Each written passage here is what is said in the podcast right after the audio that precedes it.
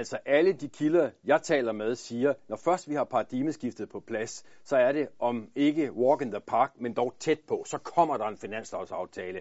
Forventningen er, at regeringen og Dansk Folkeparti vil kunne gå ud og præsentere en paradigmeskifteaftale inden for en lille uges tid, og derefter vil det gå relativt hurtigt med også at indgå en finanslovsaftale. Men det skal det jo så også, fordi man kan sige, man har jo altså en proces, hvor finansloven sådan set skal kunne ja, vedtages. Christian Tusinddal har jo sat en frist, det omtalte vi i vores øh, forrige program, at uh, han sendte et tweet ud i sidste uge om, at uh, regeringen havde til, var det udgangen af, af denne her måned, altså til 30. november, og så skulle det være på plads. Det sjove er jo med Christian Tusinddal, han har ikke indfundet sig endnu. Han er ikke med i forhandlingerne.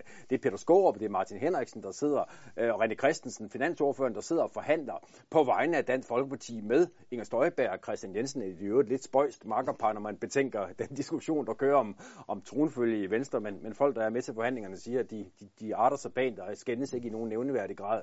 Men det, det er de folk, der, der forhandler. Christian Tulsendal følger selvfølgelig med. Han får, for, han får øh, præsenteret alle de øh, indrømmelser, som Dansk Folkeparti mener har fået.